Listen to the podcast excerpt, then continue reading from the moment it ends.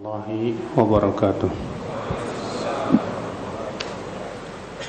إن الحمد لله نحمده ونستعينه ونستغفره ونعوذ بالله من شرور أنفسنا ومن سيئات أعمالنا. من يهده الله فلا مضل له ومن يضلل فلا هادي له. وأشهد أن لا إله إلا الله وحده لا شريك له وأشهد أن محمدا عبده ورسوله. قال الله تعالى في كتابه الكريم يا أيها الذين آمنوا اتقوا الله حق تقاته ولا تموتن إلا وأنتم مسلمون. أما بعد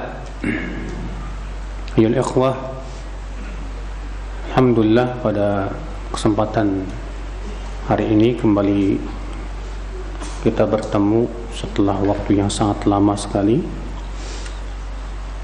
Dan kita insya Allah akan membahas tentang kaifiyatul talab wa talaqti. Itu tata cara di dalam menuntut ilmu. Karena menuntut ilmu adalah amalan yang sangat agung. Imam Ahmad berkata al-ilmu la ya'diluhu syai'un idza sahhatin niyyah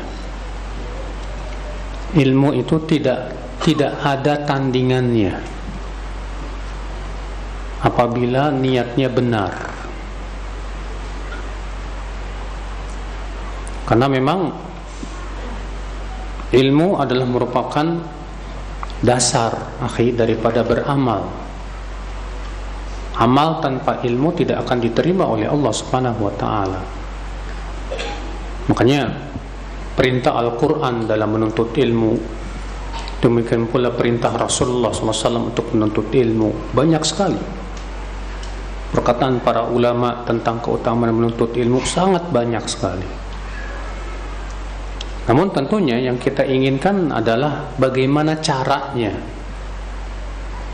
supaya ilmu kita supaya kita dalam menuntut ilmu itu berhasil gitu Pak. Karena ada orang yang bertahun-tahun menuntut ilmu udah 20 tahun tapi ternyata tidak bertambah-tambah ilmunya. Iya. Nah di sini kita harus tahu tata cara salaf dalam menuntut ilmu. Saya ambil dari kitab Hilyah Talibil Ilm yang ditulis oleh Syekh Bakar Abu Zaid. Itu di Al-Faslu Thani fasal yang kedua. Itu kaifiyatul talab wa talaqti. Tata cara menuntut ilmu dan mengambil ilmu. Kata beliau malam yutqin al-usul hurimal wusul Siapa yang tidak menguasai pokok-pokok setiap ilmu maka ia tidak akan sampai Siapa yang tidak menguasai pokok-pokok ilmu maka ia tidak akan apa? sampai Maksudnya bagaimana? Maksudnya saudaraku sekalian kita di dalam menuntut ilmu itu penting sekali untuk mempelajari pokok setiap ilmu dan pokok setiap ilmu itu biasanya Pak ditulis oleh para ulama dalam kitab mukhtasar, dalam kitab ringkasan. Makanya contoh misalnya dalam ilmu hadis ada buku ringkasan yang berjudul ya apa namanya Nukhbatul Fikar yang ditulis oleh Al-Hafidh Ibnu Hajar Al-Asqalani rahimahullah. Itu buku cuma 6, 6, 6 lembar. Tapi dalam 6 lembar itu terdapat semua adalah isinya pokok-pokok ilmu hadis. Nah, kalau 6 lembar ini sudah kita kuasai baru kemudian naik lagi ke Nuzhatun Nazar. Naik lagi. Demikian Contoh lagi misalnya dalam ilmu fikih ilmu fikih misalnya dalam madhab syafi'i matan Abi Syuja tipis dia tapi di dalam buku tersebut justru terdapat pokok-pokoknya. Dalam ilmu usul fikih. Misal ya kita ambil kitab Jurumiyah. Ah Jurumiyah. Ah, apa? Al-Waraqat. Yang ditulis oleh ya Imamul Haramain Al-Juwaini. Waraqat ini kitabnya kecil Pak. Ringkasan daripada usul fikih tapi isinya berupa apa pokok-pokok ilmu usul fikih. Mungkin kalau kita istilahkan itu kuncinya gitu loh. Iya. Nah, kalau kita tidak menguasai yang pokok-pokok dulu ini nih, muktasor muktasor ini, kita tidak akan sampai kepada yang lebih tinggi. Kalau kita menuntut ilmu, caranya kita langsung baca misalnya kitab Al-Mughni Ibnu Qudama susah Al-Mughni itu sudah masuk dalam perbandingan madhab. Menyebutkan dalil-dalil setiap madhab. Atau antum langsung baca kitab Syarhul Muhaddab waduh puyang dah atau misalnya antum langsung pelajari kitab Al-Bidayah wa Nihayah ya yang ditulis oleh Ibn Rushd. Mana jamin antum puyeng mbak. Makanya ya anak-anak IAIN yang lulusan IAIN yang tidak punya pokok-pokok ilmu langsung belajar al-bidayah wa nihayah hasilnya apa coba Pak? hasilnya cuma bisa menyebutkan pendapat-pendapat ulama tapi dia juga bingung Kalau ditanya tentang soal permasalahan, para ulama berbeda pendapat sekian sekian. Yang roji mana Ustaz? Ya masing-masing aja. Kenapa? Karena dia tidak punya kemampuan dalam apa? Pokok ilmunya itu. Kuncinya dia tidak paham. Di sini akal Islam. Di sini beliau menyebutkan ini kaidah ini sebetulnya ya disebutkan oleh para ulama di, di antaranya dalam kitab Tazkiratus Sami wal Mutakallim.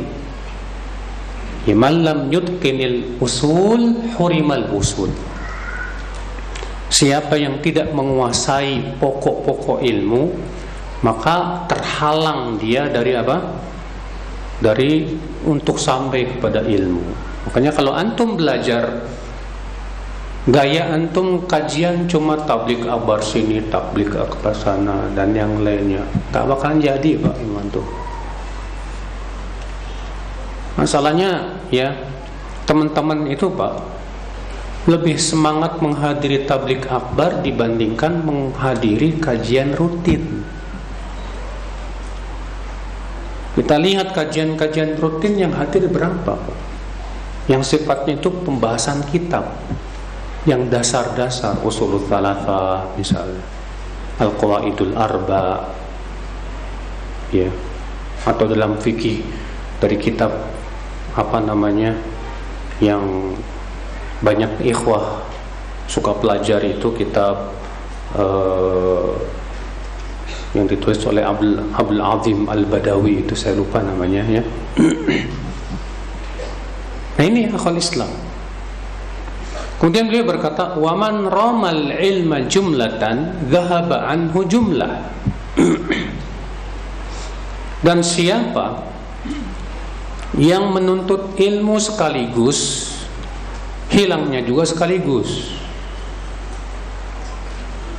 Siapa yang menuntut ilmunya sekaligus, langsung dilahap semua. Saya yakin hilangnya juga cepat, Pak.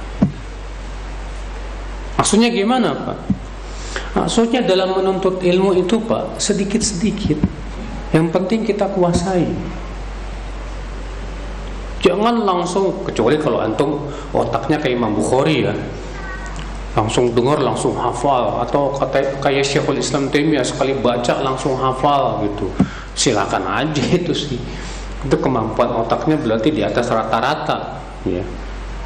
Nah ini baca sekarang besok udah Allah alam udah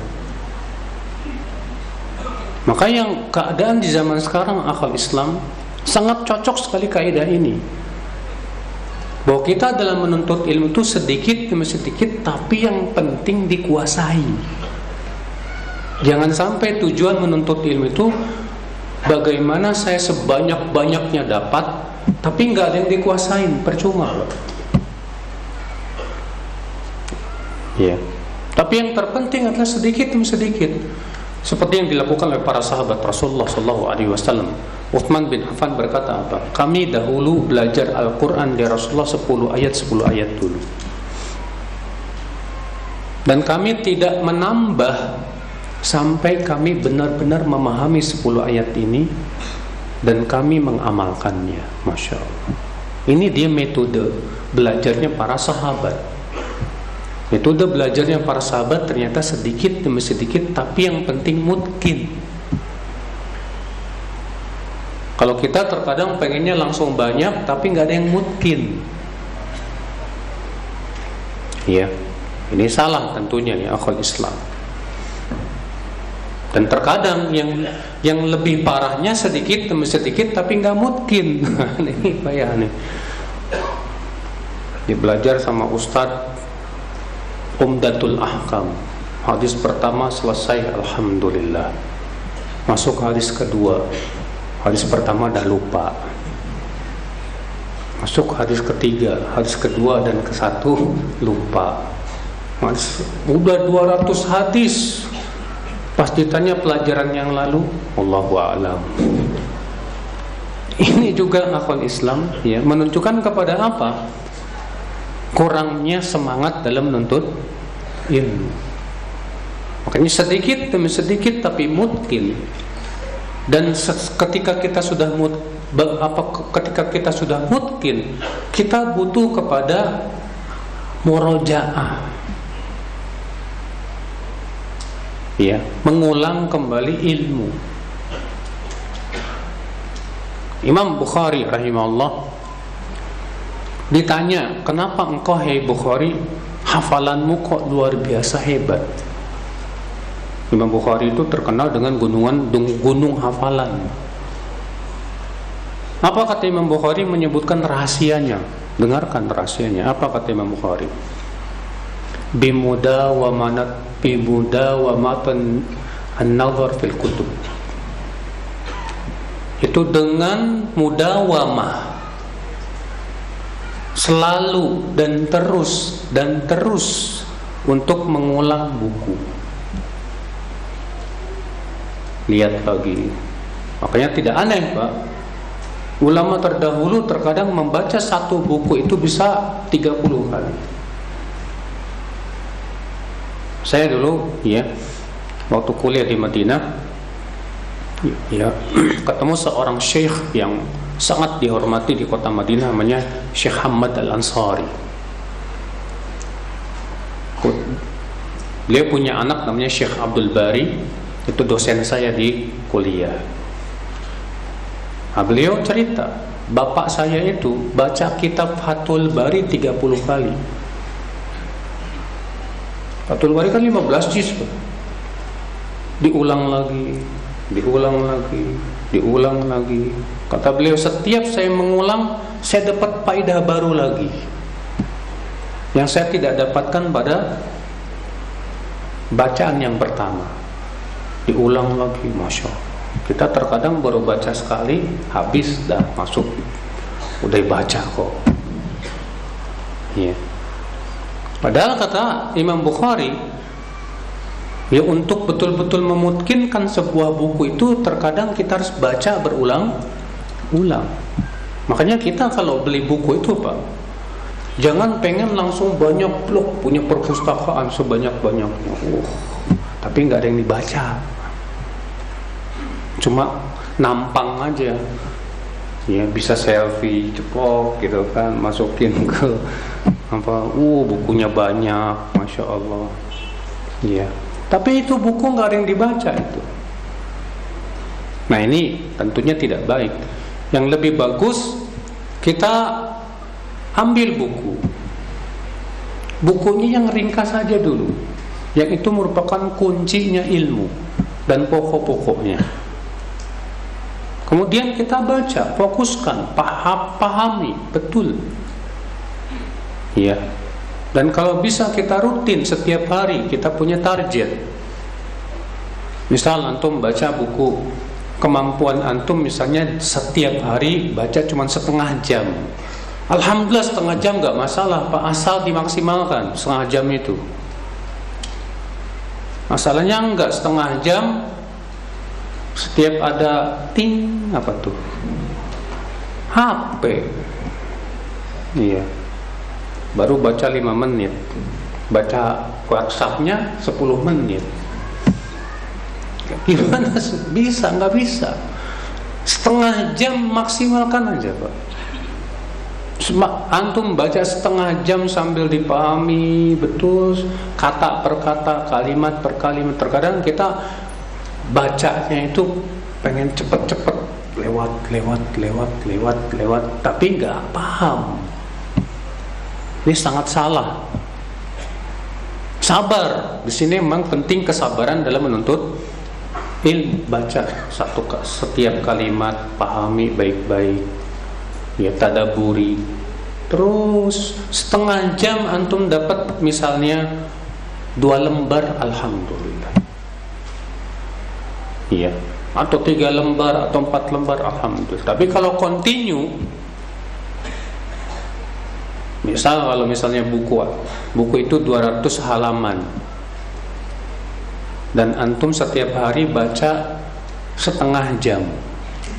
Dan setengah jam alhamdulillah misalnya dapat lima halaman. Sekarang 200 bagi 5 berapa Pak? Eh? 200 bagi 5 40 berarti target buku ini 40 hari selesai kalau continue. Tapi kalau nggak continue anak yakin nggak bakal selesai-selesai atau terkadang kita begini buku ini baca. Ah bosan. Baca buku yang lain. Ini belum selesai. Udah pindah ke buku yang lain. Makanya beliau mengatakan lagi wakila aydan dan juga perkataan ulama lain izdihamul ilmi fis sam'i yamadallatul fahmi. Bertumpuknya ilmu di pendengaran kita menyebabkan pemahaman kita pun juga jadi kesasar. Bingung. Artinya maksudnya gimana? Tadi ketika antum baca buku ini belum selesai udah pindah ke buku lain. Belum selesai pindah lagi ke buku lain. Akhirnya numpuk gitu pak akhirnya apa yang terjadi tidak ada satupun buku yang dikuasai ya antum ingin belajar semua ilmu dalam dalam satu waktu usul fikihnya, kaidah fikihnya, hadisnya, akidahnya. Akhirnya apa yang terjadi? Yang terjadi sering kali ya tadi seperti yang dikatakan di sini, izdihamul ilmi, bertumpuknya il ilmu. Kalau sekali lagi ya, ini dikecualikan orang yang memang cerdas. Kalau antum memang cerdas, dan bisa misalnya dalam satu hari belajar beberapa ilmu silahkan aja iya tapi kalau kita kurang cerdas mas atau banyak kesibukan apalagi rata-rata antum udah pada kerja kerja di pabrik perusahaan dan yang lain otomatis kalau udah cari kerja yang nanya pikiran bercabang-cabang kalau udah bercabang-cabang biasanya Pak susah ngapalin juga susah. Mikirin pekerjaan, mikirin rumah, udah pengen kawin lagi. Ngomongnya poligami. Ya. Udah gimana bakalan hafal, rontok hafalannya. Kenapa? Karena saat itu fokusnya hilang. Dan yang sangat merusak fokus otak kita itu suka nonton YouTube Pak. Kalau antum asyik dengan nonton YouTube dan yang lainnya film-film, ana jamin antum nggak bisa fokus dalam menuntut ilmu dan nggak bisa fokus dalam membaca. Silakan, iya, jalan sama antum. Setelah antum nonton film, terus baca buku, nggak bisa Ya. Kenapa? Karena untuk menuntut ilmu butuh butuh fokus. Sedangkan film itu entertainment, hiburan. Ketika otak kita sudah dimanja dengan hiburan, ketika mau fokus memahami ilmu, males dia. Baca dikit juga lama banget kayaknya. Ini akal Islam saudaraku seiman azani Allah wa Ya. Kata beliau wa alaihi fala budda min at-ta'sili wa at-ta'sisi li kulli fannin tatlubu. Atas dasar ini kata beliau dalam menuntut ilmu kita harus pertama Pak taksil. Apa taksil itu? Menguasai pokok-pokok il, ilmu. Kalau misalnya antum berkata, Ustaz saya kalau mau belajar beberapa ilmu masih bingung, saya mau satu ilmu dulu deh, apa? Akidah. Fadhal. Antum kuasai dulu usul thalathah. Setelah usul thalathah selesai, antum sudah kalau bisa antum hafal, alhamdulillah. Naik misalnya ke al-qawaid al-arba atau kasyfus syubuhat atau al-qawaid sit atau fat, apa namanya kitabut tauhid Iya. Tapi yang penting dikuasai, Pak. Kuasai. Ini ya, kata-kata yang penting dikuasai ini tolong digarisbawahi dengan tebal. Jangan yang penting sudah belajar salah. Tapi yang penting dikuasai. Setiap bab per bab dikuasai. Al Hasan Al Basri mengatakan apa? la an a'lama baban minal ilm aku menguasai satu bab ilmu lebih aku sukai daripada menginfakkan seluruh hartaku satu bab ilmu kita kuasai kata beliau itu lebih aku sukai daripada menginfakkan seluruh apa harta bayangkan iya nah ini kata beliau fala buddha minat taksir Wat taksis. Yang kedua apa taksis yaitu dasar. Menguatkan dasar, pondasi. Karena menuntut ilmu itu saudaraku seperti membangun rumah. Antum kalau bangun rumah pondasinya seenaknya, besok juga reot, hancur. Gimana caranya rumah antum supaya kuat? kuatkan dulu apa? Pondasi. Pondasinya ini. Nah bagaimana tadi menguatkan pondasi? Tadi dengan cara menguasai apa? Pokoknya dasar-dasarnya dasar setiap ilmu kita kuasai ya likulli fannin tatlubu pada setiap ilmu yang kamu pelajari bidabti aslihi Bagaimana cara mentaksil dan mentaksis? Yaitu dengan menguasai pokok-pokoknya. Wa mukhtasarihi dan mempelajari kitab-kitab ringkas mukhtasar. Ala syaikhin mutqinin. Kepada siapa belajarnya? Kepada seorang guru yang mutkin. Nah, kalau gurunya nggak mutkin, saya yakin muridnya nggak bakalan mungkin. Tapi kalau gurunya dia benar-benar mungkin menguasai buku tersebut, karena dia juga pernah mempelajari buku itu kepada syekh, insya Allah antum pun juga akan bisa mungkin seperti guru antum. Ya. La bitahsili dzati wahdah. Bukan dengan cara otodidak, cuma baca doang.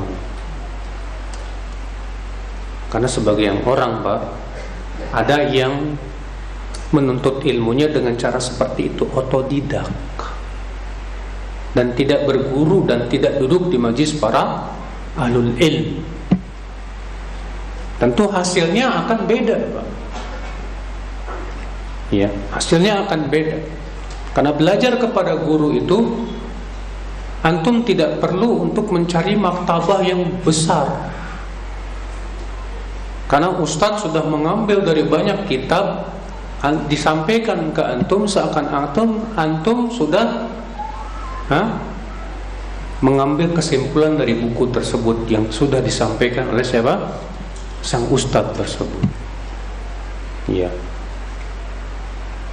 Walaupun bukan berarti kita tidak baca juga, tetap kata para ulama digabungkan dua perkara itu antara duduk di majelis ilmu dengan membaca apa? buku. Dua-duanya kita gabungkan. Wa akhidan at-talaba bit-tadarruj. Dan menuntut ilmunya itu harus bertahap. Harus apa? Bertahap. Ya seperti antum ya.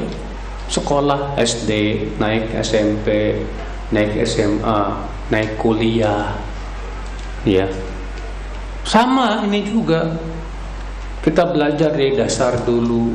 Setelah kuasai dasarnya naik lagi kepada yang lebih tinggi naik lagi naik lagi akal Islam. Kalau Allah Taala kemudian di sini beliau membawakan dalilnya. Dari Al-Qur'an. Ya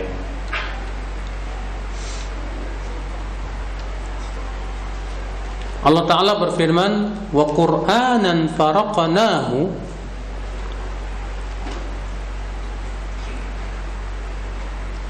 sebentar.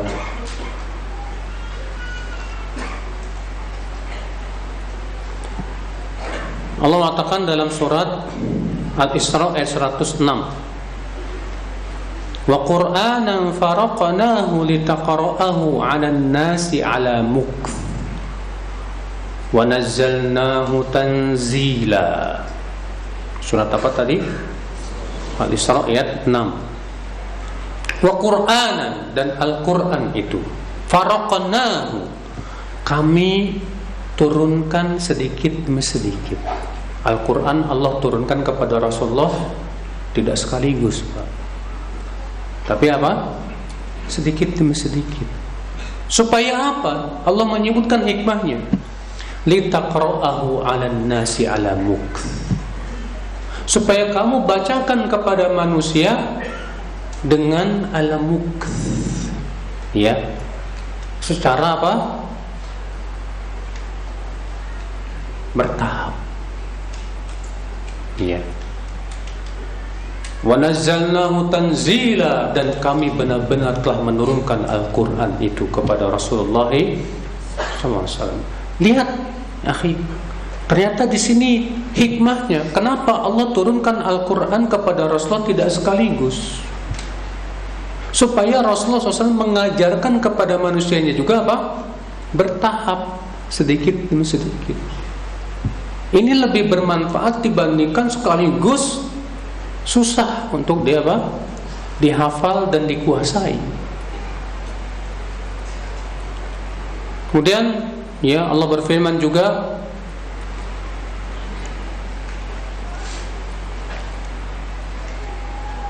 وقال الذين كفروا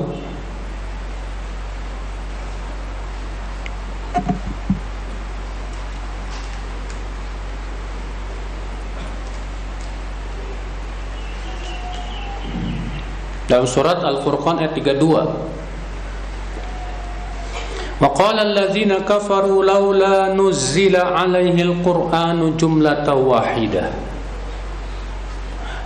كذلك لنثبت به فؤادك ورتلناه ترتيلا Berkata orang kafir itu, kenapa Al-Quran diturunkan tidak sekaligus? Ya, orang-orang kafir berkata seperti ini dalam rangka mengingkari Kenapa sih Al-Quran gak diturunkan kepada Rasulullah sekaligus 30 juz begitu? Maka Allah subhanahu wa ta'ala menyebutkan hikmahnya Apa kata Allah? Kadhalika ninuthabbita bihi fuadak Demikianlah kami turunkan Al-Quran sedikit demi sedikit Agar kami kokohkan dengan Al-Quran itu hatimu Artinya supaya Al-Quran benar-benar kokoh di hati Rasulullah Sallallahu Alaihi Wasallam. Demikian pula ilmu, akhi. Kalau kita pelajari sedikit demi sedikit sambil kita pahami dan hafal, insya Allah kokoh. Ya, di hati kita, akhul Islam, azan ya Allah wa Ya. Ini dalilnya, Pak. Dalilnya kenapa kita harus menuntut ilmu itu jangan sekali sekaligus. Tapi kita menuntut ilmu itu sedikit demi apa? Sedikit kita mulai dari yang pokok-pokok dulu. Kemudian naik, naik, naik. Wa qala ta'ala dan Allah juga berfirman, "Alladzina atainahumul kitab yatlunahu haqqa tilawati." Itu orang-orang yang kami berikan kata kepada mereka Alkitab, itu Al-Qur'an yatlunahu. Mereka membaca Alkitab tersebut haqqa dengan sebenar-benar membaca. Artinya sebenar-benar membaca bagaimana? Benar-benar mentadaburinya. Kata per kata kalimat per kalimat. Dipahami betul. Nah, seperti itu Pak. Iya. Fa amamaka umurun labudda min mura'atiha fi kulli fannin tatlubu. Berarti di hadapan kamu ada beberapa perkara yang harus kamu perhatikan ya dalam menuntut ilmu. Yang pertama apa? Kata beliau hifdzu mukhtasarin fih. Menguasai kitab mukhtasar. Menguasai kitab apa? Mukhtasar. Kuasai itu ya. Yang kedua dhabtu ala syaikhin mutqin. Yaitu mempelajarinya di hadapan seorang syekh yang mutqin. Seorang guru yang apa? Yang mutqin. Yang ketiga apa? Adamul istighal bil mutawwalat wa tafariqil musannafat qabla ad-dhabt wal itqan li asli Jangan sibuk dengan buku-buku panjang. Iya.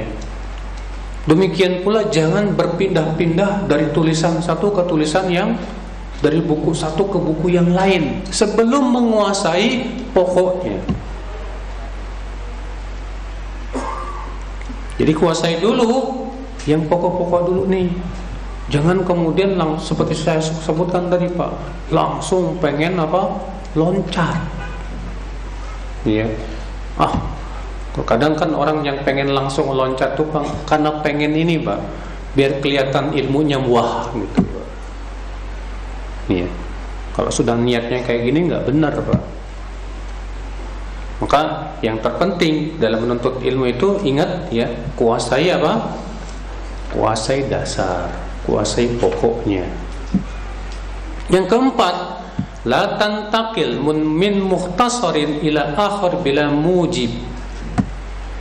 Jangan berpindah-pindah dari satu buku ke buku yang lain tanpa alasan. Kalau alasannya kuat misalnya buku ini kok terasa sulit sekali untuk dipelajari saya mau cari yang lebih mudah. Nggak apa-apa silahkan iya Nah, karena kenapa? Karena kita sudah sebutkan tadi kalau kita pindah-pindah terus akibatnya apa? Akibatnya nggak ada yang dikuasai, Pak. Dan susah, susah untuk menguasainya. Yang kelima kata beliau iqtinasul fawaid wa dhawabit al-ilmiyah. Mencatat faidah-faidah dan kaidah-kaidah ilmiah, faidah dan kaidah Jadi ketika antum menuntut ilmu ya antum baca menguasai kitab dasar yang namanya kitab dasar itu sudah kita sebutkan isinya pasti tidak lepas dari dua tadi faidah dan kaidah pasti itu pak. Karena sudah kita sebutkan kitab dasar itu memang disengaja diletakkan oleh para ulama sebagai kunci sebagai pokok pada setiap apa? Ilmu yang keenam kata beliau apa? Jam'un nafs lit talab wa taraqqi fi mengumpulkan semangat kita untuk supaya bisa naik kelas. Ya. Mengumpulkan semangat kita untuk menuntut il, ilmu dan naik naik.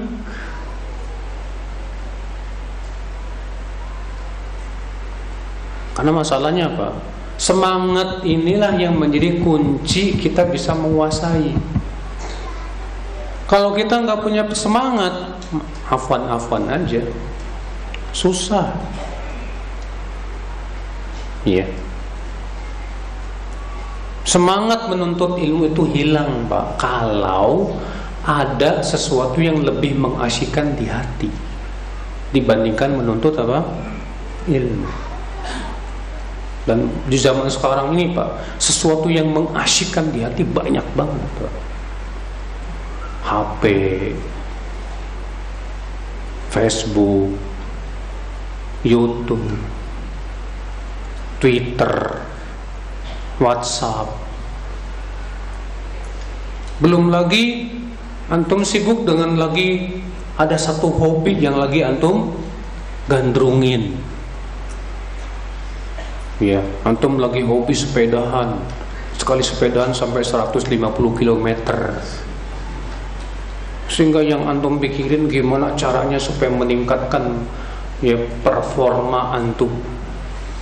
Gimana supaya meningkatkan kekuatan antum dalam bersepeda. Ah, yang kayak gini nih nggak bakal bisa nuntut ilmu, Pak. Bener, Pak. Nggak bakal bisa nuntut ilmu. Kenapa? Karena ada yang lebih asyik di pikiran dan di hatinya daripada apa? Ilmu. Iya. Padahal kan manusia diciptakan oleh Allah tujuannya untuk apa? Hah? Untuk ilmu.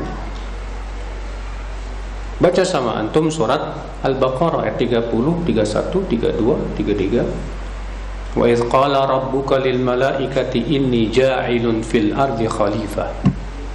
قالوا أتجعل فيها من يفسد فيها ويسفك الدماء ونحن نسبح بحمدك ونقدس لك قال إني أعلم ما لا تعلمون Dan ingatlah ketika Allah berfirman kepada malaikatnya Sesungguhnya aku akan menciptakan seorang khalifah di muka bumi Khalifah itu artinya makhluk yang saling mengganti satu sama lainnya ya.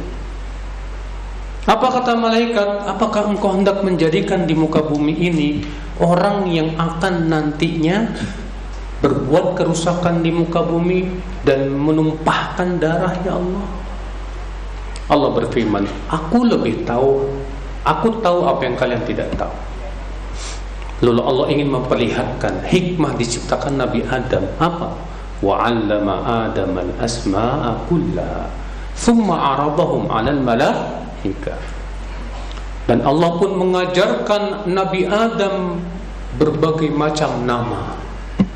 Nama ini manfaatnya apa khasiatnya apa. Setiap itu Nabi Adam diajarkan oleh Allah Subhanahu wa taala. Thumma aradahum 'alal malaika. Kemudian Allah menampakkan kepada malaikat. Lalu Allah berfirman faqala ambiuni bi asma'i haula in kuntum sadiqin. Coba kalian sebutkan nama-nama itu semuanya. Kalau kalian memang benar, tampaklah kepada malaikat hikmah diciptakan Nabi Adam. Ternyata hikmah diciptakan Nabi Adam untuk il ilmu. Dan memang manusia Allah ciptakan memang untuk ilmu, Kalau masalah syahwat, kalah kita sama binatang, Antum tahu ayam berapa kali kawin satu hari? Ratusan kali. Antum paling kawin sekali jima udah besok baru jima lagi. Ayam. Kalau antum pengen jadi orang kuat singa lebih kuat dari antum berkali-kali lipat. Memang binatang itu tidak Allah ciptakan untuk il ilmu. Yang Allah ciptakan khusus untuk ilmu manusia manusia Allah ciptakan untuk ilmu akhi maka manusia dengan ilmu bisa lebih mulia dari malaikat. Dan manusia tanpa ilmu bisa lebih buruk daripada binatang apa? ternak akal Islam. Maka gunakan akhi kemampuan yang telah Allah berikan kepada kita. Akal kemampuan otak untuk benar-benar memaksimalkan menuntut apa?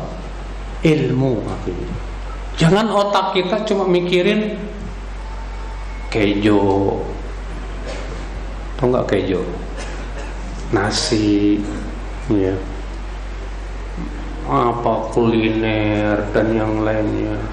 Jangan otak kita cuma mikirin aww ya perempuan. Ya itu rendahan itu. Ya coba sibukkan bagaimana saya bisa menguasai muhtasar sebuah ilmu. Bagaimana saya bisa menguasai ya kitab Umdatul Ahkam? Bagaimana saya bisa menghafal Arba'in Nawawiyah? Kalau antum sibukan itu berarti antum sudah kembali kepada tujuan kita diciptakan.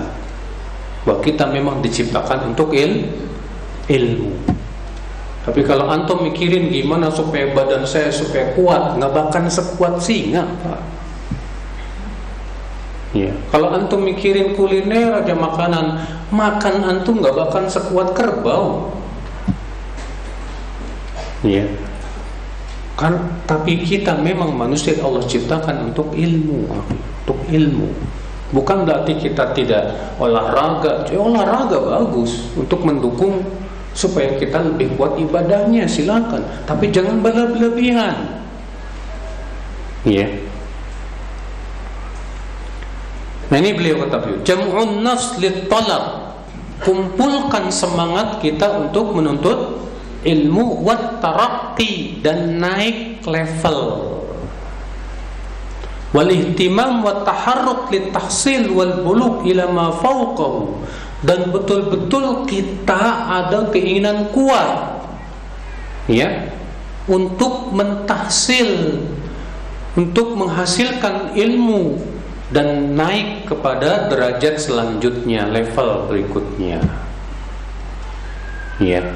Hatta tafidu ilal mutawwalat supaya kita sampai untuk bisa membaca kitab-kitab besar. Kitab-kitab apa? Panjang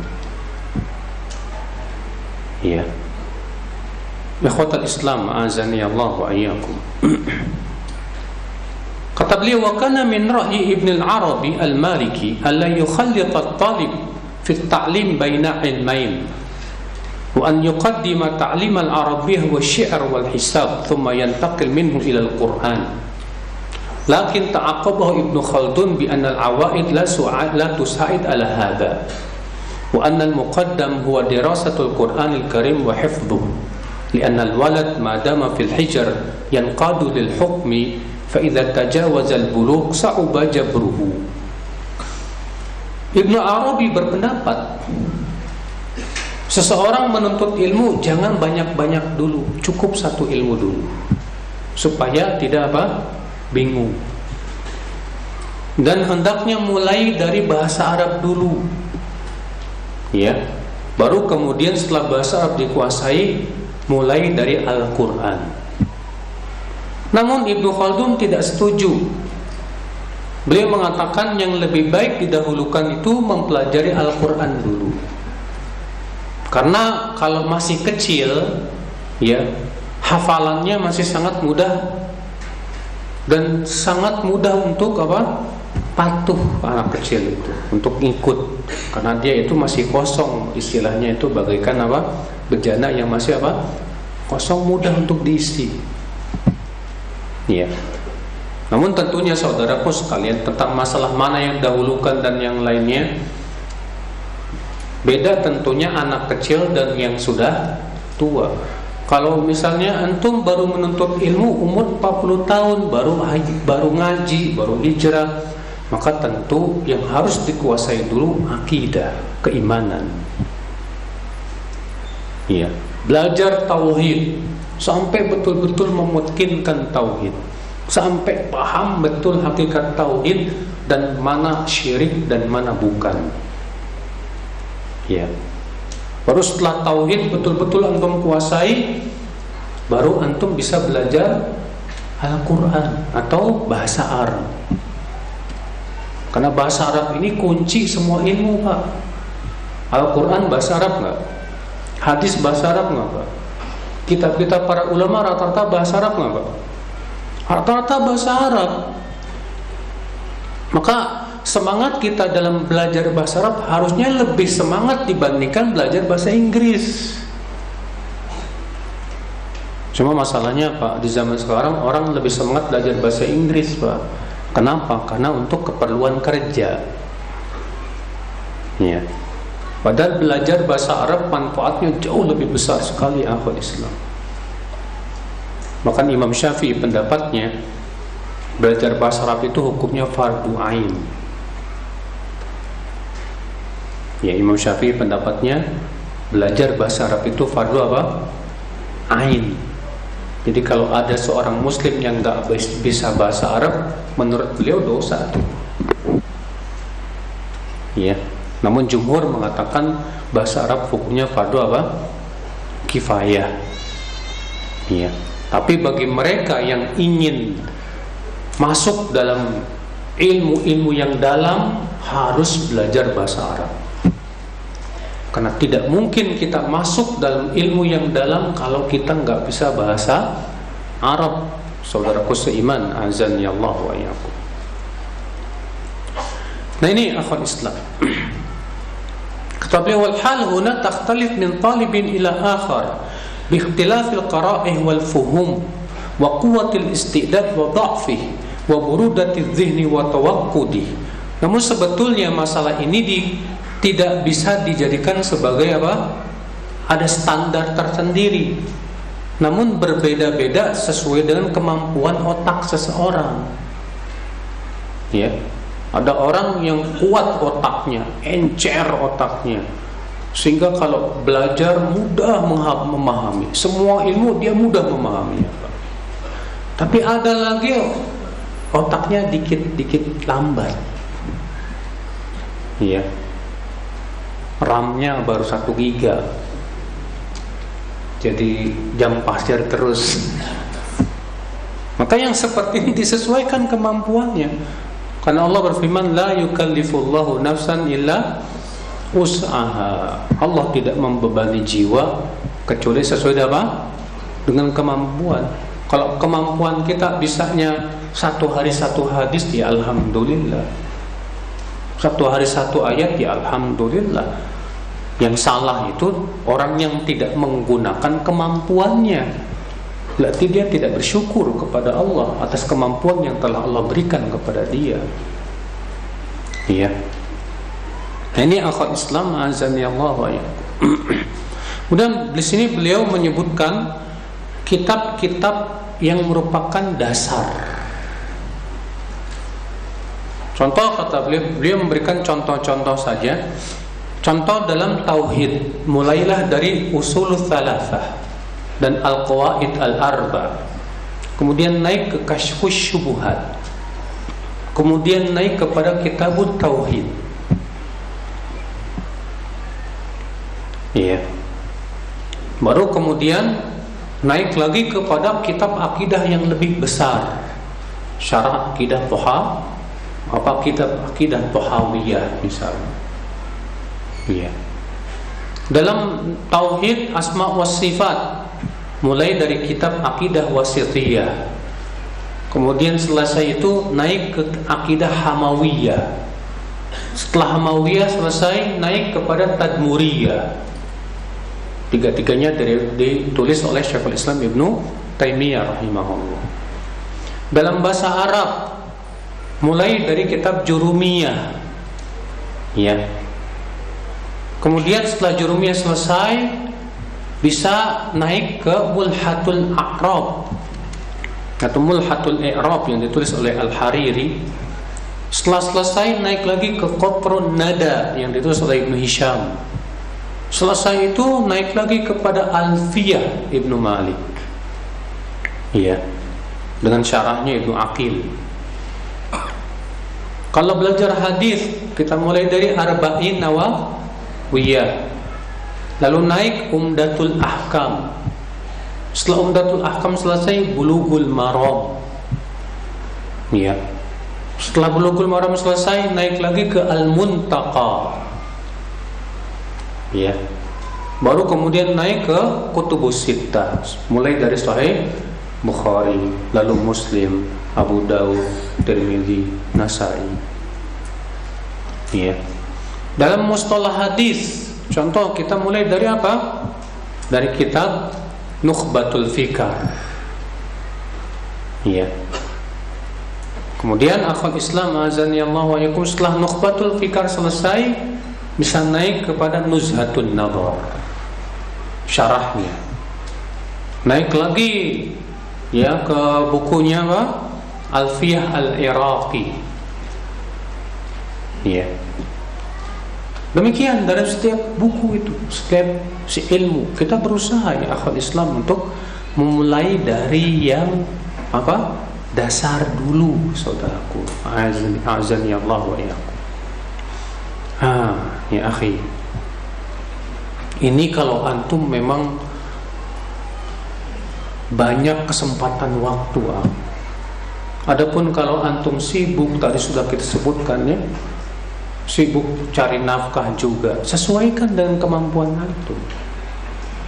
Yang terpenting bagaimana menguasai satu ilmu aja lo deh. Antum pilih dari ilmu yang banyak akidah hadis tafsir ya. Kalau akidah memang sesuatu yang harus itu. Mulai dulu dari apa akidah. Setelah akidah sudah dipelajari, sudah dikuasai, baik kitab tauhidnya, baik kitab apa namanya akidah al-sunnah wal jamaahnya sudah paham betul tentang hakikat akidah al-sunnah dari A sampai Z baru deh antum coba pilih yang mana mau yang antum mau dalami misalnya antum saya mau menguasai hadis ya udah kuasai dari arba'in Nawiyah. Naik kemudian Umdatul Ahkam. Kemudian naik ke Bulughul Maram. Ya. Ikhwatal iman, azan ya Allah wa.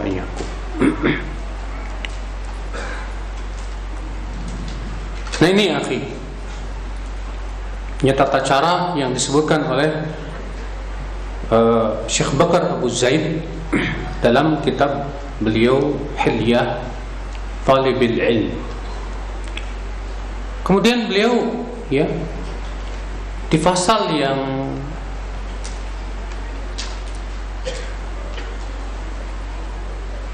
kelima menyebutkan tentang adab penuntut ilmu dalam hidupnya secara ilmiah. Adab penuntut ilmu dalam kehidupannya yang bersifat ilmiah. Apa saja kata beliau yang pertama kibarul himma fil ilm. Semangat yang berkobar dalam menuntut il ilmu. Sudah saya kita sebutkan tadi Pak, ini semangat ini pokoknya Pak. Kalau kita nggak punya semangat, nggak bisa kita nuntut ilmu.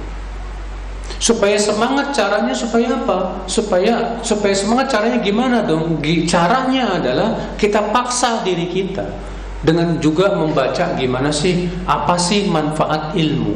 Apa keutamaan menuntut apa? Ilmu. Kalau kita tahu manfaat-manfaatnya yang besar, keutamaan-keutamaannya, insya Allah semangat akan terus muncul lagi, muncul lagi ya dan supaya semangat kita terpelihara Pak kita penting punya teman-teman yang memang sama-sama semangat menuntut ilmu jangan berteman dengan orang yang nggak semangat menuntut ilmu Pak Sebab kalau antum punya teman dia menuntut ilmunya payah, nggak ada semangat, ketularan. Allah ya ketularan. Ya. Tapi ketika antum punya teman-teman yang sama-sama menuntut ilmu dan semangat yang satu sibuk bagaimana menghafal Quran, yang satu sibuk bagaimana menghafal hadis, yang satu sibuk bagaimana menghafal matan-matan ilmiah. Itu kalau antum bergaul sama mereka, antum ketularan. Masya Allah teman saya yang satu sibuk ngapalin matan ilmiah, yang satu sibuk ngapalin hadis, yang satu saya sibuk apa ya? Malu saya. Akhirnya antum akan ikut sibuk dengan il ilmu. Tapi kalau antum punya teman ya, sibuknya cuma mikirin apa? Hobi doang. Saya bisa lari sekarang alhamdulillah udah 10 kilo. Yang satu lagi saya baru 5 kilo.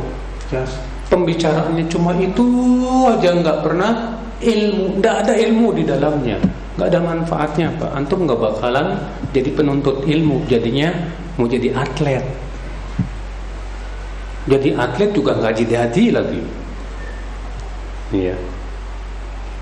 Antum misalnya bertemannya dengan orang-orang yang cuma pikirannya masalah dunia saja. Ya, semangat menuntut ilmunya lemah. Udah, antum cuci tangan dari mereka, nggak usah lah. Jangan jadikan mereka sebagai teman antum. Kalaupun mau berteman ya sekedarnya saja sama mereka. Tapi jadikan teman antum yang akrab, yang dekat sama antum, mereka orang-orang yang semangat dalam menuntut apa? Ilmu Allah Subhanahu wa taala. Iya. Kemudian kata beliau, hifdzul ilmi kitabah. Ikat ilmu dengan dicatat. Jaga ilmu dengan dicatat. Kata beliau, "Ubdulil juhda fi hifdzil ilmi hifdzu kitabin." Keluarkan seluruh kemampuanmu untuk menjaga ilmu dengan cara mencatat. Lianna taqidal ilmi bil kitabah amanun minad dhaya'. Karena mencatat ilmu itu menyebabkan selamat dari hilang ilmu. Wa qasrun limasafatil bahthi indal ihtiyaj. Ketika kita butuh kita nggak perlu lagi lama-lama untuk nyari-nyari Pak. Tapi kita sudah punya catatannya. Ya kalau antum sudah punya catatan antum yang udah dua tahun ngaji dan selalu nyatet anak yakin tuh buku catatannya udah numpuk tuh Pak udah numpuk Cuman Allah alam di banget. Kalau antum sudah bu punya buku catatan udah banyak, Pak, jangan disia-siakan. Itu isinya ilmu semua itu. Gimana dong caranya? Bikin fahros, daftar isi. Bikin apa? Daftar isi untuk memudahkan antum ketika antum butuh. Coba antum buka lagi di halam kasih halaman-halaman halaman-halaman halaman-halaman halaman di halaman segini wah masya Allah saya dulu belum mencatat ini nanti ini, ini. Masya Allah. Tulis dalam daftar isi.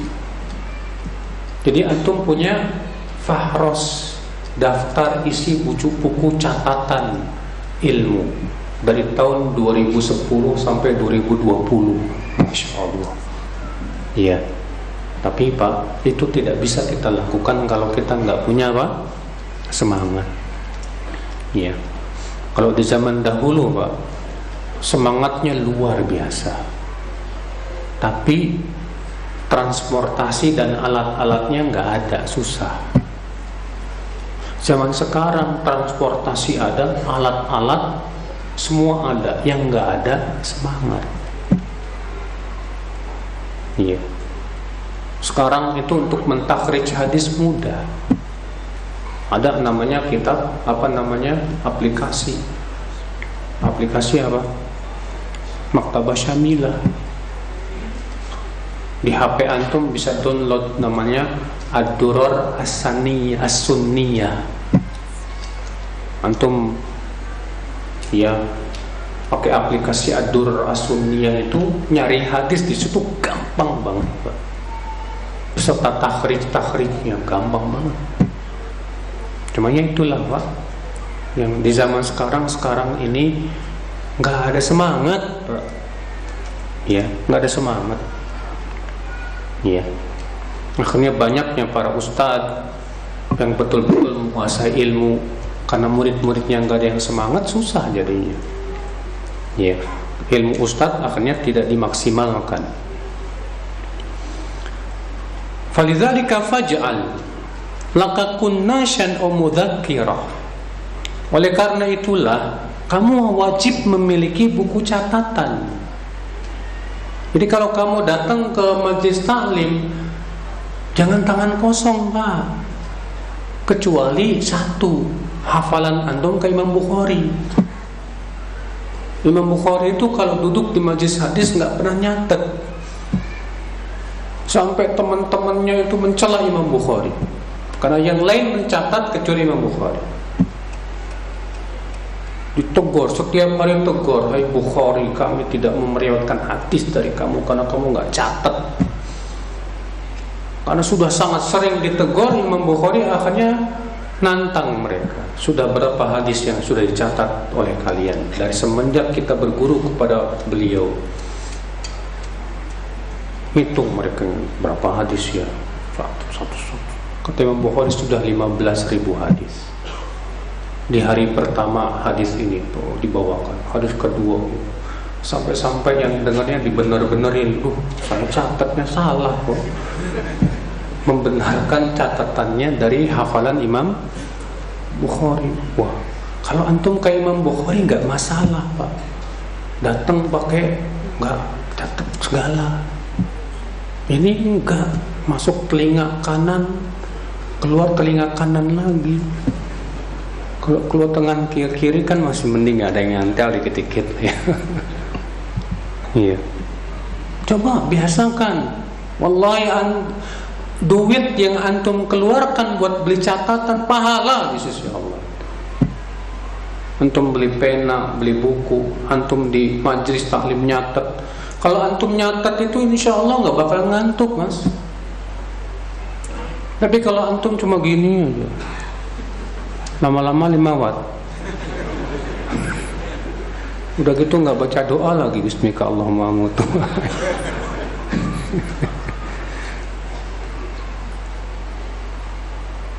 nah ini akal Islam. Jadi ya kata beliau jangan lupa mencatat il ilmu. Catat catat. Kalau antum baca buku apa pun ketika baca buku usahakan ada apa? Catatan. Walaupun di HP misalnya. Cuman di HP kan kalau rusak bingung. Setidaknya antum catat wah di halaman ini ada ilmu yang baru saya dapat nih ada faidah bagus banget nih. Misalnya antum lagi baca bukunya siapa? Imam Ibnu Qayyim misalnya. Kemudian antum baca wah masya Allah saya baru tahu ini. Wah ini faidah bagus banget. Langsung antum catat ya. Buku ini karya Ibnu Qayyim. Di halaman sekian beliau memberikan faedah begini begini begini. Dah. supaya nanti ketika antum butuh bisa langsung dilihat langsung dibuka bukunya itu manfaat banget ya kemudian yang berikutnya kata beliau ta'ahudul mahfudhat jaga hafalan kamu Jaga apa? Hafalan. Kalau kamu sudah menghafal, misalnya arba'in sudah dihafal, alhamdulillah. Jaga. Dengan cara apa? Di murojaah lagi. Murojaah lagi. Iya. Apalagi kalau antum sudah banyak hafalan Al-Quran Al-Quran itu lebih mudah lepasnya Pak Sebutkan dalam hadis Ibnu Umar bahwa Rasulullah sallallahu alaihi wasallam bersabda, "Innama mathalu sahibil Qur'an kamathali sahibil ibil al-mu'aqqalah in ahada 'alaiha amsakaha wa in atlaqaha dhahabat Perumpamaan penghafal Quran seperti pemilik unta yang diikat untanya. Kalau dia tidak jaga itu ikatan untanya, kalau dia jaga, maka unta tidak akan lepas. Tapi kalau dia tidak jaga, unta akan pergi. Karena unta itu Pak, kalau diikat sama antum kemudian antum tinggalkan, si unta akan berusaha melepaskan dirinya. Gigitan unta kan kuat banget, Pak. Toto lepas saja entah pergi ke mana. Ya. Nah demikian seperti itulah. Antum menghafal Quran, alhamdulillah udah 10 juz tapi nggak pernah dimurojaah, yakin hilang. Antum juga banyak hafal ilmu Matan dan yang lainnya Tapi nggak dimurajaah Hilang Ya Ikhwatul Islam Azani Allah ya. Kemudian kata beliau Tafakuh bitakhrijil furu' al usul Itu betul-betul memahami ilmu Paham Bukan cuma hafal tapi juga apa? Faham. Bitakhrijil furu alal usul dengan mengeluarkan cabang-cabang pada setiap pokok. Iya.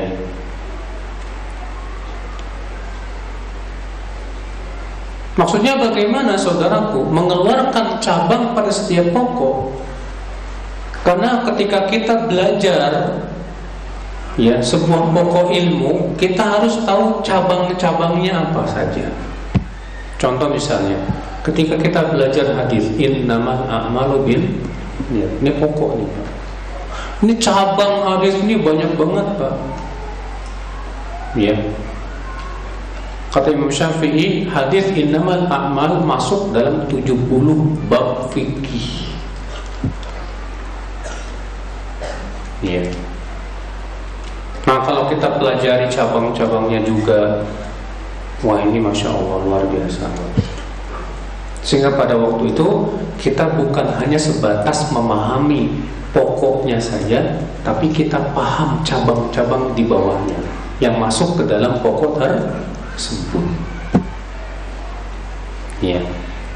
Ikhwatul Islam Azan ya Allah wa Kemudian al-luju ila Ta'ala fi talab wa tahsil. Jangan lupa banyak berdoa sama Allah. Jangan lupa banyak berdoa Banyak minta kepada Allah Agar Allah mudahkan kita Di dalam memahami ilmu dan menuntut ilmu Jangan lupa Sebab kalau Allah tidak bantu Susah. Ya. Syekhul Islam Ibn Taymiyah rahimahullah sering berdoa begini. Allahumma ya muallima Adam wa Ibrahim Alimni Ya Allah Yang mengajarkan Adam dan Ibrahim Tolong ajarkan aku ilmu Wa ya mufahhima Sulaiman Fahimni Ya Allah Yang memberikan pemahaman kepada Nabi Sulaiman Tolong pahamkan aku dalam ilmu Ini Syekhul Islam Taimiyah Pak yang otaknya luar biasa, jenius, selalu minta kepada Allah supaya ditambahkan ilmu dan difahamkan apalagi kita. Jangan lupa untuk mengatakan Rabbi zidni ilma. Ya. Mu'ad bin Jabal berdoa Rabbi zidni ilman wa yaqinan wa fiqha. Ya Allah tambahkan aku ilmu, keyakinan dan pemahaman, kefakihan. Ya. Jangan lupa akhi Minta terus, minta terus Setiap sujud, setiap tahajud Setiap waktu-waktu mustajab Terus minta kepada Allah Supaya Allah ajarkan kita apa? Ilmu Supaya Allah tambahkan kita pemahaman Ya Kemudian Selanjutnya apa? Asitku Kejujuran dalam menuntut ilmu Kita memang benar-benar jujur ingin menuntut ilmu Ya. Karena orang yang kurang kejujurannya kurang pula di dalam semangat menuntut ilmunya. Maka orang yang jujur dalam menuntut ilmu, Pak, dia akan mengeluarkan seluruh kemampuannya untuk ilmu. Ya. Nah, ini akhlak Islam. Karena kejujuran dalam segala sesuatu itu penting. Antum kalau beriman gak jujur munafik. Orang munafik itu kehilangan keju kejujuran dalam iman. Kita kalau berteman gak jujur, antum punya teman yang gak jujur sama antum. Ini pasti teman suka berkhianat sama antum. Dan menuntut ilmu juga membutuhkan apa? Kejujuran dari hati bahwa kita memang betul-betul butuh ilmu. Kita memang betul-betul ingin menuntut ilmu. Penting itu akal Islam. Kemudian kata beliau junnatu talibil ilm. Seorang penuntut ilmu harus punya tameng. Apa tameng? Yaitu selalu merasa dirinya bodoh. Kata beliau junnatul alim la adri. Ya, tamengnya orang yang berilmu mengatakan saya tidak tahu. Artinya jangan pernah kita merasa ilmu kita sudah apa? tinggi jangan makanya para ulama setinggi ilmu apa pun ilmunya tidak pernah merasa tinggi ilmunya. Syekhul Islam eh, Syekh Muhammad Nasiruddin Al-Albani selalu mengatakan dirinya apa? Wa inna ma ana tuailibul ilm saya ini cuma penuntut ilmu kecil. Padahal Masya Allah ilmunya diakui oleh seluruh dunia. Syekh bin Bas memujinya, Syekh Uthaymin memujinya, Syekh Mukbil memujinya. Ya, tapi selalu beliau merasa dirinya nggak punya apa-apa. Sebab ketika kita merasa diri kita bodoh, kita akan terus pengen menambah, pengen nambah. Tapi kalau kita merasa sudah pinter, Pak, susah. Akhirnya kita nggak mau lagi untuk menambah il ilmu saudaraku. Ya. Kemudian al-muhafadzah ala ra'si malik saati umrik. Jaga modal hidupmu itu waktu. Gunakan waktumu sekuat tenaga untuk ilmu. Namun tentunya sekali lagi sesuai dengan keadaan kita. Kalau antum memang kerja, ketika antum kerja jangan sibuk menuntut ilmu sibuklah untuk bekerja karena itu amanah. Ya. Nanti setelah kerja ada waktu-waktu yang memang antum kosong untuk menuntut ilmu, gunakan itu. Iya. Gunakan. Ada waktu kosong, gunakan untuk ilmu. Ada waktu kosong, gunakan untuk ilmu. Walaupun cuma 15 menit, alhamdulillah. Iya. Saudaraku seiman, azan ya Allah wa yakum. Nah ini api. Kemudian ijmamun nafs. Ketika sudah mulai bosan, nggak apa-apa, istirahat sedikit. Ya. Khud min waqtika suwai'at tujimu biha nafsaka fi riyadil ilm. Ambillah waktumu beberapa saat saja untuk mengistirahatkan dirimu di dalam taman-taman ilmu. Ya. Akhwat Islam azani Allah wa iyyakum. Nah ini ketika kita sudah mulai lelah membaca misalnya Pak, udah capek dan mulai bosan, jangan dipaksa. Gak apa-apa, antum misalnya jalan-jalan ke mana, ya, tamasya dan yang lainnya, supaya ada semangat lagi ada semangat lagi cuma jangan kebanyakan mbak ya. Dalam artian menuntut ilmunya cuma lima menit istirahatnya satu jam. Nah ini juga termasuk ya apa namanya tertipu tentunya saudaraku seiman. Azan ya Allah wa Kemudian yang berikutnya apa? Husnus soal. Bagus dalam bertanya. Artinya kalau kita tidak paham suatu ilmu, maka berusahalah kita bertanya kepada seorang guru. Namun cara bertanyanya harus bagus, Pak. Dengan cara pertama memperbagus kata-kata dalam bertanya dan memperjelas. Karena seorang guru ketika pertanyaan yang jelas susah dan bisa jadi jawabannya tidak sesuai dengan yang kita apa inginkan. Tapi ketika kita pertanyaannya jelas dan mengena dan guru pun paham pertanyaan kita, insya Allah jawabannya pun sesuai dengan yang kita apa inginkan. Ya, itu penting. Kemudian ya jauhi penuntut ilmu pemula untuk suka berdebat penuntut ilmu jangan hobi berdebat. Tapi berusaha sungguh-sungguh untuk menguasai dulu ilmu-ilmu. Adapun antum di awal nuntut ilmu sudah senang debat sana, debat sini, debat sana, debat sini. Maka antum terhalang ya akhi dari barokahnya ilmu kata para ulama futihalahu babul jadal. Uqlika anhu ba'ughliqa anhu babul amal.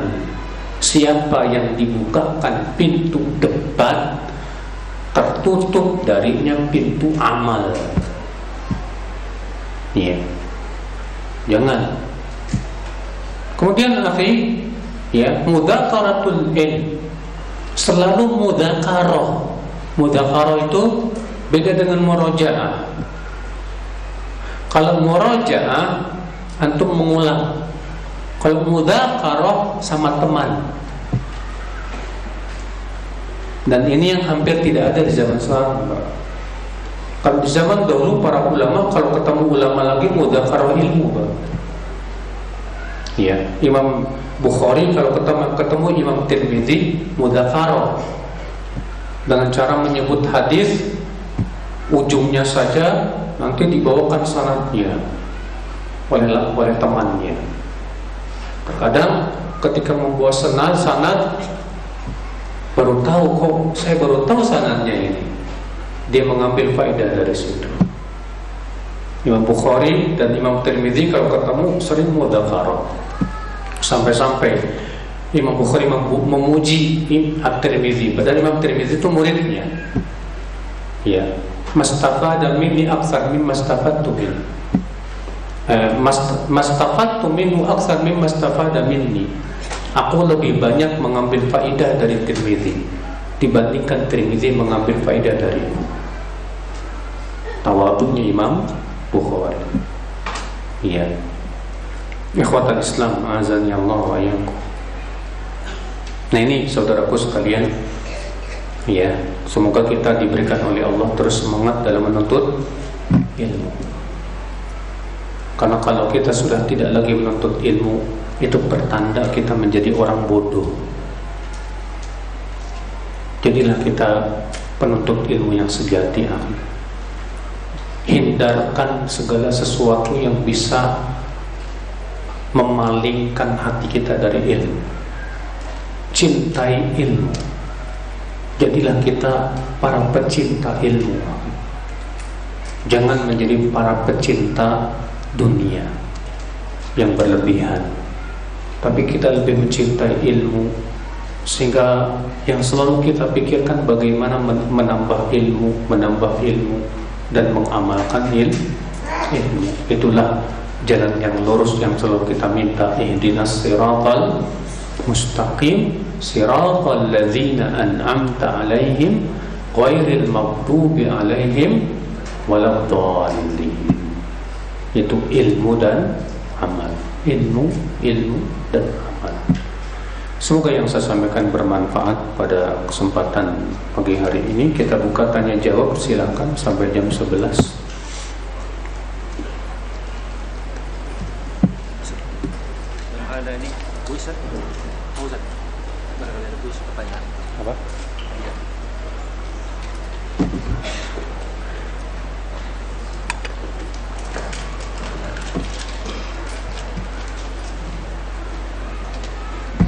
Ini katanya ada kuis. Sebutkan tadi di awal-awal Syekh Bakar menyebutkan ada tiga kaidah. Coba sebutkan kaidah yang pertama dalam menuntut ilmu. Ada yang tahu? Nah,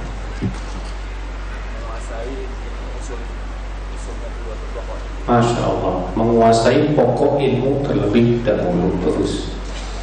Bunyi kaidahnya Malam yudkinil usul Yang khurimal usul Siapa yang tidak menguasai pokok ilmu Ia tidak akan sampai.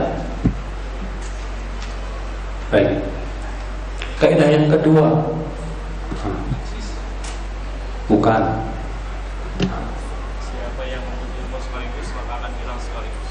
Siapa yang menuntut ilmu sekaligus Maka akan hilang sekaligus dia.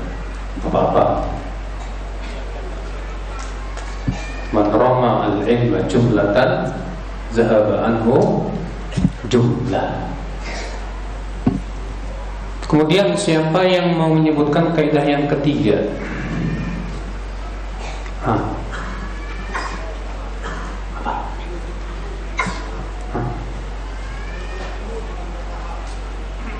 menuntut ilmu dengan bertahap ya. Nih. Talabul ilmi bin tadarruj. Bagus.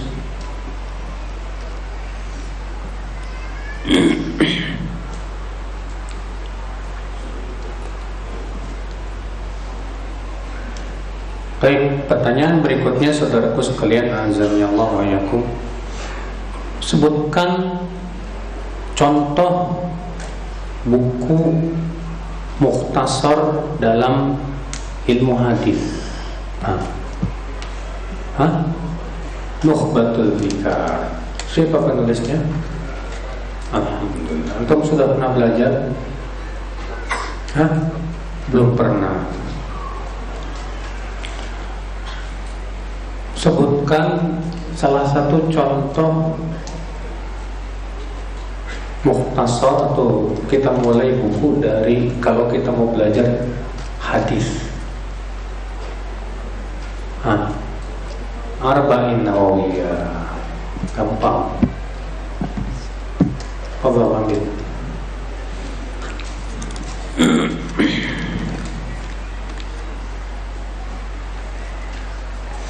Bagaimana cara mengobati penyakit futur dalam menuntut ilmu?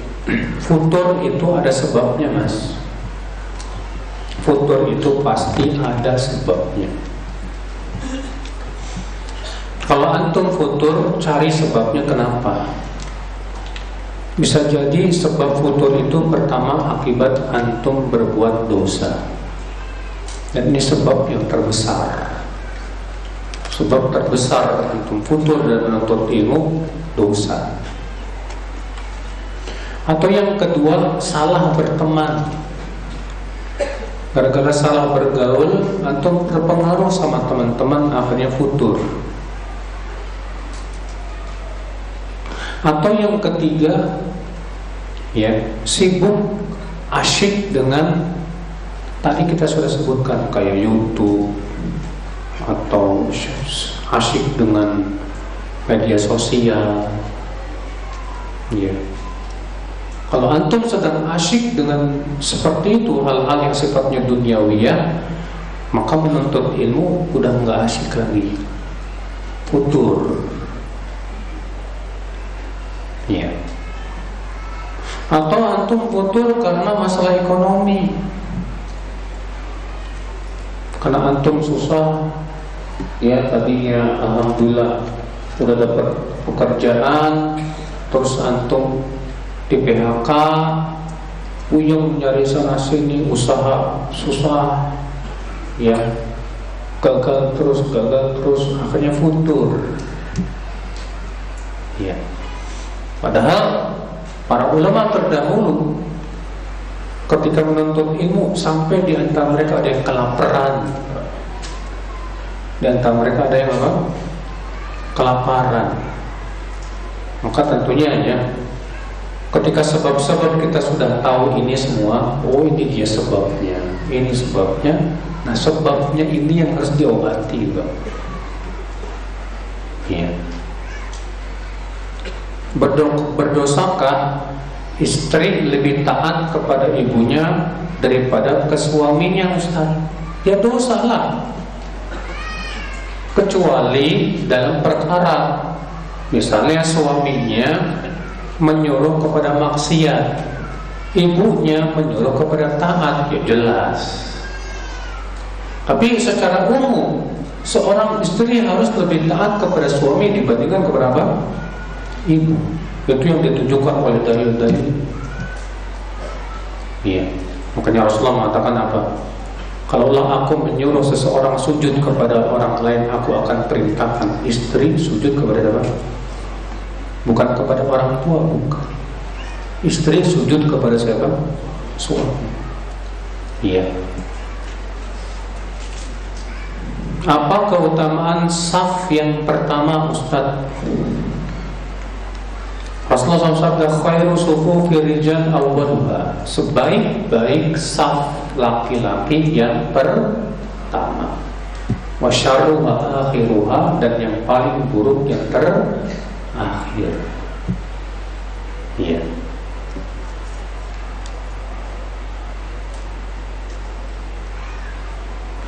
Imam Ibnu Arabi mendahulukan bahasa Arab daripada Al-Quran. Bagaimana dengan orang yang terbata-bata dalam membaca Al-Quran? Ya, kan sudah kita sebutkan ini khilaf para ulama juga. Kalau Ibnu Khaldun pendapatnya Quran dulu, baru bahasa Arab. Kalau Ibnu Arabi pendapatnya bahasa Arab dulu, baru apa? Al-Quran. Alasannya Al-Quran bahasa Arab. Ketika baca bahasa Arab, ya Al-Quran kita sudah paham ya tapi Ibnu Khaldun tidak setuju kenapa? karena keadaannya tidak mendukung sebab kalau antum tidak bisa ya baca kitab al baca tulis Al-Quran otomatis baca bahasa Arab pun nggak bakalan bisa ya maka Allah alam pendapat Ibnu Khaldun dalam hal ini lebih sesuai dengan keadaan yang di zaman sekarang terutama.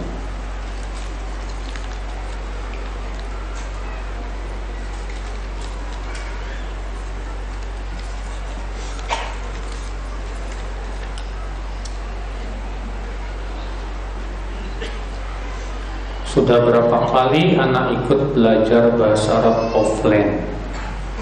Sekarang anak merasa kesulitan untuk memahaminya Hingga akhirnya anak keluar. Namun anak masih terus berusaha hingga anak ikut kelas online Dan berulang anak perlahan-lahan memahaminya. Masya Allah.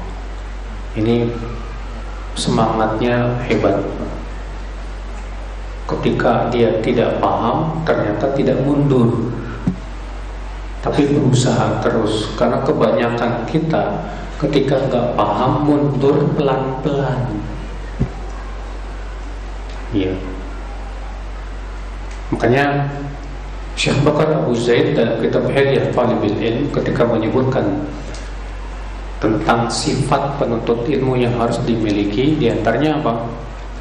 Harus punya sifat rujulah apa rujulah? pejantan pejantan itu tandanya gimana Pak? tidak mundur ketika menghadapi apa? kesulitan jantan itu apa? kalau menghadapi kesulitan semakin tertantang istilahnya kalau antum lagi mendaki gunung Orang yang hebat dari gunungnya semakin terjauh, semakin asyik nih, tantangan ini. Iya. Nah, ketika antum menghadapi kesulitan semakin tertantang dan antum terus berusaha dan tidak pudar semangat, antum termasuk penuntut ilmu yang pejantan. Tapi ketika antum menghadapi kesulitan langsung mundur, antum penuntut ilmu yang betina, bukan pejantan. Ya, payah, kendor. Ya, keinginannya. Karena ini orang masya Allah ya, ketika offline kok nggak paham-paham. Kenapa kok offline nggak paham? Ada faktor biasanya. Di antara faktornya gurunya kurang mampu menjelaskan. Gurunya kurang mampu apa? Menjelaskan. Ya. Nah, ketika online antum mulai paham, bisa jadi karena faktor gurunya mudah karena kemampuan guru mengajar itu beda-beda, Pak. Ada guru kalau dia ngajar asyik, orang langsung paham. Ada guru kalau mengajar itu apa sih maksudnya? Ya. Saya dulu waktu kuliah hadis belajar ilmu waris, gurunya orang Syamkit kalau syampit itu kalau ngomong bahasa Arab kayak kumur-kumur, puyeng. Iya. Ketika saya belajar ke teman saya, ah, tolong dong ajarkan saya, saya nggak paham. Ternyata dia lebih mampu menjelaskan dengan mudah. Oh, maksudnya gini, gini, gini. Kayak terkadang walaupun guru banyak ilmunya belum tentu dia bisa apa? menjelaskan. Tapi ada seorang murid yang dia ilmunya enggak banyak, tapi mampu apa? Menjelaskan. Kefasihan itu memang pemberian dari Allah Subhanahu wa taala. Nabi Musa ilmunya luar biasa. Tapi Nabi Musa minta kepada Allah supaya Harunlah yang diutus karena Harun lebih mampu menjelaskan. Apa kata Nabi Musa? Wah, ya. Harun wa afsahu minni lisanan. Ya Allah arsil ila Harun.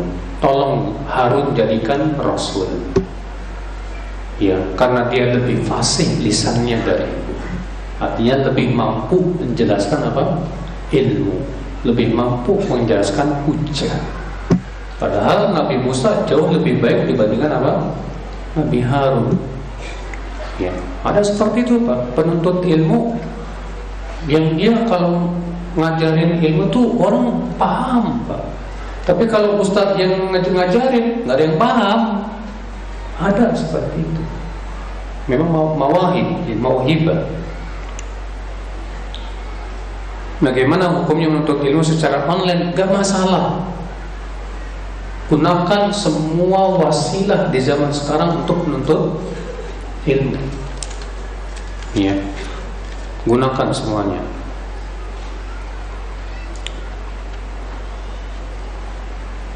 Kapan sebaiknya kita mulai belajar fikih muamalah? Kalau antum sudah kecebur dengan masalah dunia muamalah. Ya. Adapun kalau antum dunia antum bukan yang berhubungan banyak dengan fikih muamalah, maka itu bukan kewajiban antum untuk terlalu mendalami. Cukup mendalami yang antum pahami saja sekedarnya. Misalnya tentang masalah hukum jual beli sekedarnya aja. Mana yang boleh mana yang tidak tapi kalau antum misalnya bekerja atau masuk dalam dunia muamalah pasti tidak lepas dari riba dan yang lainnya memang itu dunia antum wajib antum belajar apa fikih muamalah secara paham betul. Iya. Namun tentunya dasar segala ilmu itu ilmu tahu tauhid. Ini dulu yang harus betul-betul apa? Dia kuasai tentunya ya akhir. Iya.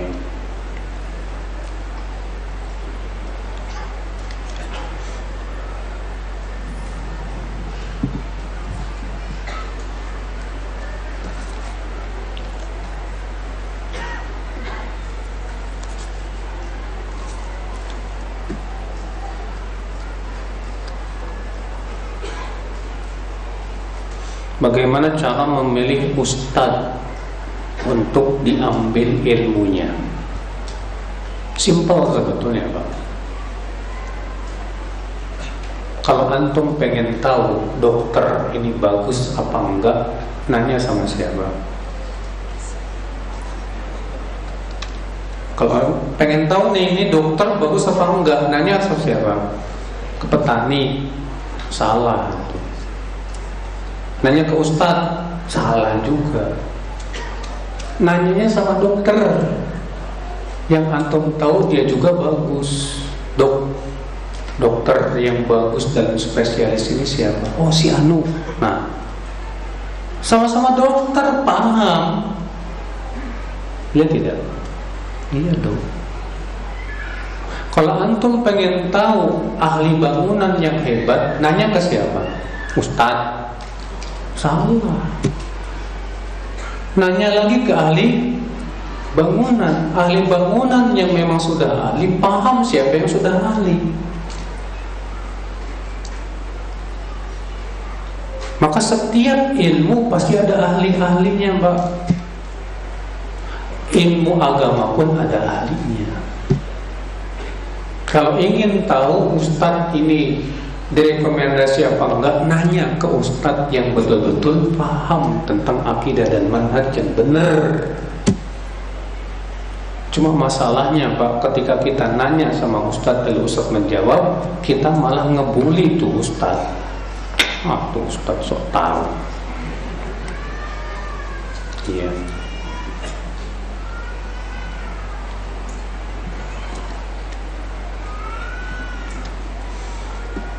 Bagaimana kiat-kiat mengajak istri yang belum mau ikut kajian? Coba antum perlihatkan akhlak yang bagus setelah antum ikut ngaji. Sehingga istri antum melihat akhlak antum, ilmu antum terpatri pada akhlak antum. Ya. Semakin antum lembut sama istri dan antum berpikir gimana caranya istri antum jadi unta merah buat antum. Ya. Coba antum tanya orang yang suka ngejajain apa sih barang dagangan, Pak. Apa namanya itu? Itu apa suka nawarin sabun ini loh, sales ada sales yang berhasil pak. Jual sabun yang banyak pak. Nanya tuh ke dia Kenapa kok bisa? Karena dia berusaha Untuk menjadikan supaya Si konsumen tertarik. Gimana caranya Memperlihatkan ke, keistimewaan barang dagangannya ini? Begini, begini. Ah coba itu. Gambarkan kepada istri keistimewaan menuntut ilmu apa indahnya apa manfaat ilmu iya. Dan tentunya yang paling terpenting adalah pahamkan dulu dia tentang tauhid pak. Jangan sampai dia jatuh berbuat syirik. Tauhid dulu kenalkan dia kepada Allah kenalkan dia tentang ya Rasulullah. Ya ingatkan dia tentang kematian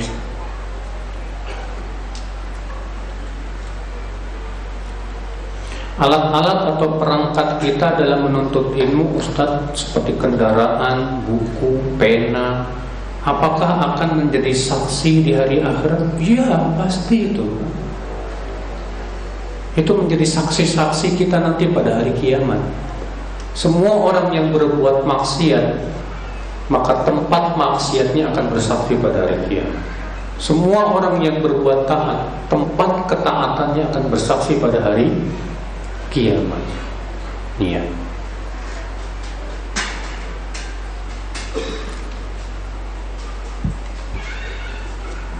Di awal-awal ngaji saya rajin baca buku. Seiring dengan berjalannya waktu saya merasa waktu terasa sempit karena kesibukan kerja. Dan sekarang ini saya lebih memilih untuk menyibukkan diri dengan membaca, membaca Quran. Gimana tuh Ustaz? Kalau antum baca Quran sambil memahaminya Bagus banget Tapi kalau antum baca Quran cuman lalu saja, baca nggak paham, baca nggak paham. Yang penting saya baca, baca, baca. Kurang bagus pak. Maksudnya kurang bagus, tetap dapat pahala, tapi tidak sebagus dengan mentadab buri. Rasulullah bersabda dalam sebuah hadis yang dihasankan oleh Syekh Albani, ya, sayati aqwamun yashrabuna al-Qur'an kama yashrabul laban. Akan datang nanti suatu kaum mereka baca Quran tuh kayak minum susu. Kata para ulama maksudnya sebatas lewat aja nggak dipahami. Iya jadi kalau antum baca Quran sambil antum baca tafsirnya satu ayat nggak apa-apa itu jauh lebih baik. Ya. Daripada antum baca Quran tapi nggak dipahami. Karena tujuan Al-Quran Allah turunkan untuk ditadaburi. Allah berfirman, "Afala yatadabbaruna Quran am ala qulubin aqfaluha?" Tidakkah mereka mentadaburi Al-Quran? Ataukah hati mereka ada gembok-gemboknya? Maka kata Ibn Qayyim ya, Membaca Al-Quran sambil ditadaburi Jauh lebih baik dibandingkan baca Quran Tapi tidak faham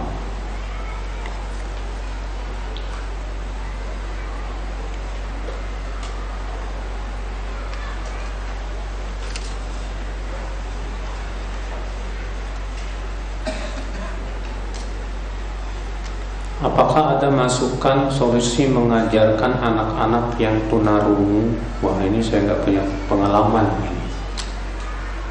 Ya mungkin coba tanya kepada yang pernah ada pengalaman dalam mengajarkan anak-anak yang tunarungu. Gimana caranya? Saya punya nggak punya ilmunya tentang masalah ini. Sepertinya sudah semuanya Semoga yang saya sampaikan bermanfaat terutama buat saya pribadi Pak dan buat kita semuanya amin ya rabbal alamin. Dan bisa kita amalkan dalam kehidupan kita. Dan semoga Allah berikan kepada kita istiqomah terus sampai akhir hayat untuk terus menuntut ilmu dan mengamalkan ilmu. Subhanakallah bihamdik. Asyhadu an la ilaha illa an astaghfiruka ala nabiyina muhammadin wa ala alihi wa sallama tasliman kathira assalamualaikum warahmatullahi wabarakatuh. Thank you.